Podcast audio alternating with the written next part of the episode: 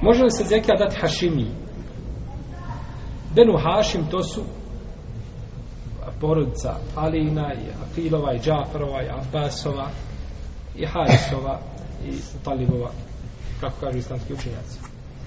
Ovim učenjacima nije ovim, ovim uh, porodicama nije dozvoljeno dati zekat zekat koji je vađib nije dozvoljeno dati ovim porodicama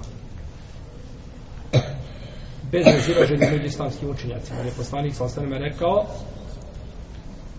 sadaka nije dozvoljena porodici Muhammedovoj. To je kaže Eusahun nas. To je prljavština od ljudi. Kako je nazvao zekat poslanik sa ostanima kaže da je to šta? Prljavština od ljudi. Kako ćemo to shvatiti prljavština od ljudi?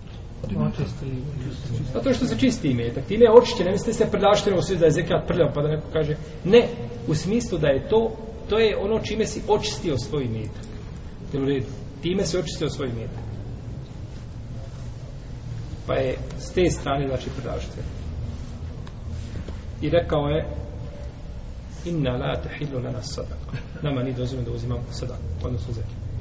Jedne prilike kada je Hasan radijallahu ta'ala anhu stavio datulu od sadake u usta, kako drži Buharija Muslim, rekao je meh, meh, jeli, time ga, time ga ukorava, da to znači izbaci što je stavio u usta.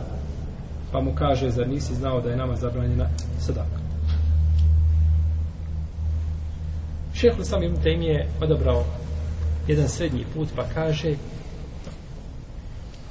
dozvoljena je hašimi i sadaka, odnosno zekijat od hašimije.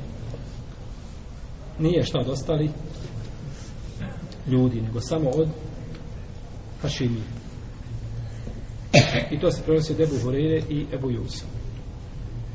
To se, to se prenosi od Ebu Hanife i Ebu Jusa.